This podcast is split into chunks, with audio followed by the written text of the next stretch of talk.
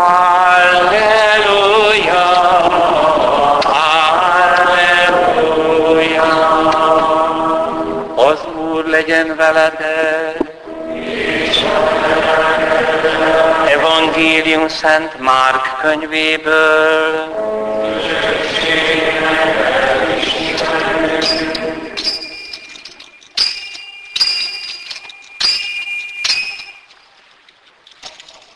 Kafarneum városába Jézus szombaton bement a zsinagógába és tanított.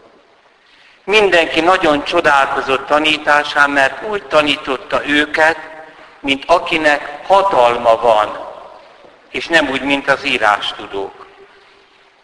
A zsinagógában volt egy ember, akit megszállt a tisztátalan lélek, ez így kiáltozott. Mi közünk egymáshoz Názereti Jézus. Azért jöttél, hogy elpusztíts minket? Tudom, ki vagy az Isten szentje. Jézus ráparancsolt, hallgass el és menj ki belőle. A tisztátalan lélek erre össze-vissza rángatta az ember, aztán nagy kiáltással kiment belőle.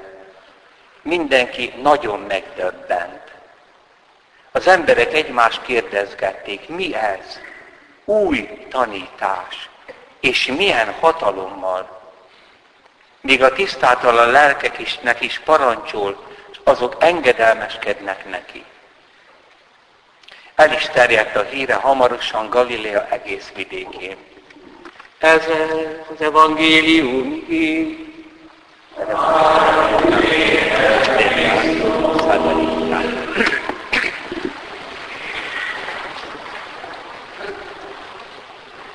Krisztusban, kedves testvéreim,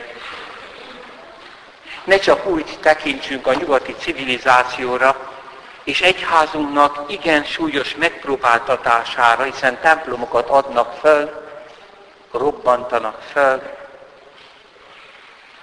mint amit csak el kell szenvedni, mint valami végkatasztrófa, hanem ez egy felhívás is.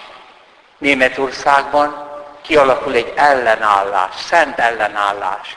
Civilek, papok fognak össze, hogy hirdessük az evangéliumot, hogy az Isten szeret bennünket, hogy ne szégyeljünk a hitünket, hiszen Krisztus erre küldött minket. Nem csak a papokat, hanem a híveket is. És amikor utoljára együtt volt Jézus az apostolokkal, azt mondta, menjetek az egész világnak, tegyetek tanít, tanítványon már minden népet, hirdessétek az evangéliumot. Mindenkinek feladat ez, igazából meg is teszitek. Mi az evangélium első hirdetése? A családban beszéltek Jézusról. Ez a következő nemzedeknek már meghirdeti az evangéliumot. Vagy a munkahelyeken ne szégyeljétek magatokat. Eljött az idő, amikor mindenki mondja nagyon sokszor, sok esetben a saját butaságát, hogy világenergiákba hisz, meg boszorkányokba, akkor mi nem tudjuk megmondani, hogy mi abban az Istenben, aki szeret minket. Mégis az igehirdetés elsődleges feladata az apostolok és utódai, püspökök és a papoké. És most erről szeretnénk beszélni, hogy milyen legyen a mi ige hirdetésünk, és ebből ti is tanultok. Hát a mai evangéliumban elénk tárul. Három jellemző vonása van. Új tanítás. Új. Mit is jelent ez? Aztán hatalommal való tanítás, erővel, és a tisztátalan lelke küldésével a pap vasárnapi ige hirdetéséről ugyan ezt kell állítani. Ha nem ez, akkor nem modern. Mert a mai emberen nem segít semmit. Ha csak szóvirágokat mondunk, kegyes szöveget, ha nem készülünk a predikációra úgy, hogy egész életünkbe szövődjön, a kísértéseinkben, a saját bűneink ellen való harcba, az olvasmányainkba, a hívekkel való találkozás, az egyéni imádságban, akkor nem lesz benne erő. Egyik papot megkérdezik a diákjai, hogy atya, miről fog most nekünk beszélni a misén? Az illető megdöbbentő alázattal és öniróniával így szólt, magam is izgulva várom. Hát igen, ennek ma vége. Ennek nincs értelme. Ezért kár meghallgatni az igét. De hát mit jelent az, nézzük, hogy egészen új tanítás. Legtöbbször ott kezdjük, hogy mit nem jelent. Nem jelenti ez azt, hogy valami olyat találunk ki, ami nem, ami nem volt benne az evangéliumban, ami 2000 éves hirdetéssel szemben valami új. Például, ha valaki ma politikailag korrekt beszédet akar tartani, és azt mondja, a szabadság. Az emberi szabadság végtelen, stb. Nem igaz. Mit mond Szent Pál? Szabadságra vagytok hivatva, de vissza ne éljetek a szabadsággal. Tehát mondhat nekem egy püspök, egy pap, bármit, ami szó szerint ellenkezik Jézus szavával, az nem új tanítás, hanem az megalkuvás. Erre nagyon tessék most elkészülni. Felelős vagy a saját hitedért. Aki Krisztus szavának ellentmond bármiben, abban nincs igaza. A világ ünnepelni fogja, hogy milyen modern püspök, milyen pap. Hú, még ilyen nem hallottunk. Nem. Ezek az újdonságok avíttak, régiek, olyan régi, mint a bűnös emberiség. A saját bűneinket, érzékiségünket, paráznaságunkat szolgálják ki. Tehát nem azt jelenti, hogy ami sose hirdetett az evangélium Krisztus, vagy 2000 év volt az egyház, most olyan új világban vagyunk, hogy kitalálunk új dolgokat. A papnak semmi joga nincs saját magát hirdetni. Nem erre szentelték fel. Aztán mit jelent még ez? Mit nem jelent még ez? Az új tanítás. Lehet új megközelítése a misztériumoknak, a hittitkoknak. De ha az az új megközelítésnek az lesz az eredménye, hogy a keresztény ezentúl például nem imádja Krisztust, akkor az az új megközelítés nem új. Mondok egy példát. Az oltári szentségről a Divident Inak kimondta, hogy a misében transzubstanciáció történik. Ezt a fogalmat nem is nagyon ismerik a hívek. Átváltoztatás. Tehát a kenyér és a bor lényege helyett a föltámadott Krisztus teste van ott. Most testvérek, lehet újabb kifejezéseket próbálkoztak a teológusok. Transzignifikáció. Marad az kenyér és bor, de más a jelentése. Vagy ö, transzubstanciáció, lényeg átalakulása helyett most tulajdonképpen más lesz a szerepe. Transfinalizáció. Tehát marad kenyér és a bor, de most az a szerepe, hogy jelezze Krisztus testvét. Mi az eredménye?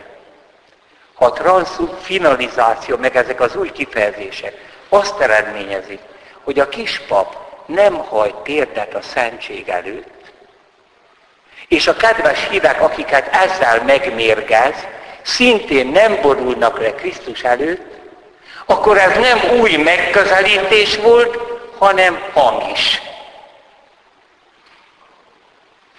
Le lehet mérni azt, valóban lehet egy zseniális teológus új oldalról nézi meg azt a misztériumot, oltári szentség, keresség, házasság szentsége. De ha valami olyat, olyan kifejezést hoz, aminek az a lényege, hogy megváltozik a keresztényeknek a hozzáállása, akkor az nem volt új. És nem jelenti az új tanítás ott Kafarnaumban az, hogy Jézus beszüntette az Ószövetséget. Az Ószövetség jelen van az újban. Mint ahogy a te tíz éves kisfiú kislány, aki voltál, az benned van.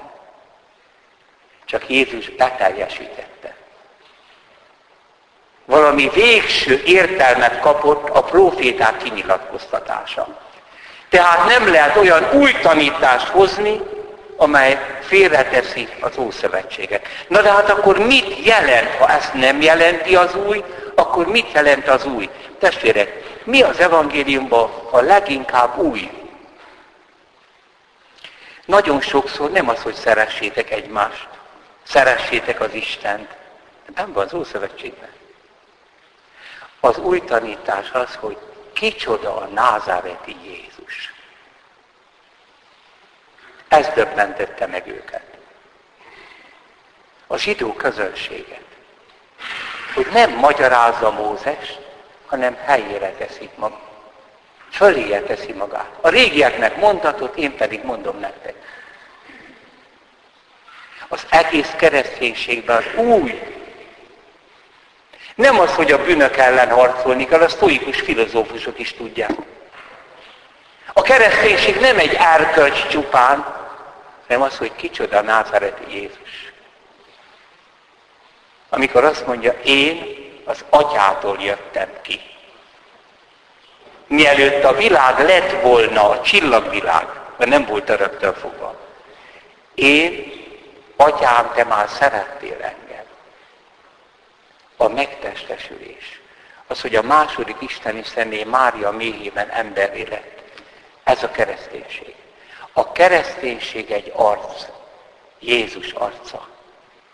Isten magáról adott egy élő képet. Eljött. Én vagyok, mondja.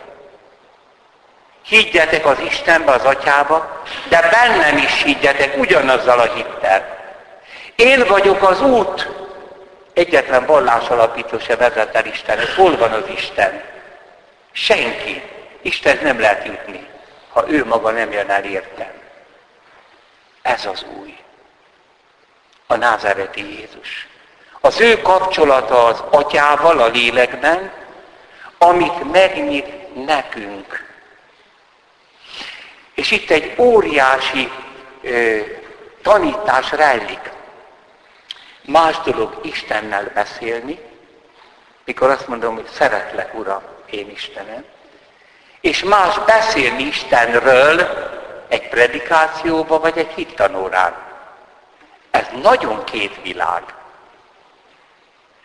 És az a baj, hogy nálunk eluralkodik a beszéd az Istenről. Prédikál a pap, de nem beszél az Istennel. Kiüresedik. Mert a názereti Jézusban ez egy. Ő állandóan kapcsolatban van az atyával. Tudni, Isten nem lehet igazából beszéd tárgya, mert a beszédnek lehet a tárgya a gazdaság, a szőlőtermelés, egy másik valaki. Isten nem lehetne a beszéd tárgya, de Jézus mégis azt mondja, hogy hirdessétek, de csak úgy, ahogy én. Ő pedig hogy hirdette? Állandóan kapcsolatban van az atyával. Tehát miközben nekünk szól, ő mindig vele van kapcsolatban. Tehát egy új papság kell. Arról beszéljen, amit imádkozott. Azt a kapcsolatot nyissa meg a híveknek, amiben él. Ami az ő legbensőbb élete. Szent Ferenc atyánk milyen zseniálisan megragadta ezt, mikor egy nagy tudós belépett a rendbe. Úgy hívják, hogy Pádvai Szent Antal. Ő ágostonos szerzetes volt, hatalmas könyvtáruk volt Portugáliába. És mikor látta az első Ferences vértanukat, ide akart jönni, ahol meg is tudnak halni Krisztusért. És kik ezek? Hát az az asszibéri bűnbánó testvére. És hát akkor ő is belép ebbe a rendbe, el akar menni Marokkóba, hogy vértanú legyen, de a szél másfelé viszi a hajót, Itáliába köt ki, ott van az első gyékényes káptalanul, ott vannak ezeresével a Ferences testvérek, azért gyékényes, mert nincs kolostor, nem tudnak hova menni, gyékényeken alszanak. És ott találkozik Szent Ferenccel. Valóban őt is beosztják. De amikor kiderül, hogy micsoda tudása van, akkor ír egy levelet neki. Antal testvéremnek, püspökömnek. Hát a kiváló szónokot szokták így megtisztelni a középkorban, hát nem volt püspök pap volt. Megelégedésemre szolgál, hogy a testvéreknek tanítod a teológiát. De vigyázz, hogy úgy tanítsd, hogy az imádság szellemét ki ne olcsd bennük. Egy másik kódexben úgy van, hogy úgy tanítsd, hogy ők ki ne oltsák az imádság szellemét. Na most ez, egy, ez, a, ez a műveltség alapja, hogy megértsek egy szöveget. Mi ennek az, az, a, a vázlata? Az, hogy a teológia az Istenről való beszéd. Az imádság pedig az Istennel való beszéd.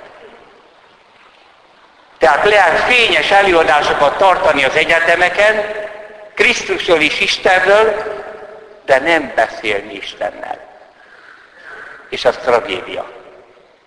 Csak a vele való beszéden belül lehet hiteles az, hogy szólok róla. De ezt ti is tudjátok. Tudta az az egyszerű parasztasszony is, akiről mondják, egyetemista fiú azt mondja, mama maga a templomból jön, nincs semmiféle Isten. Aztán hogy mondhatsz ilyen, fiam? Most beszéltem vele.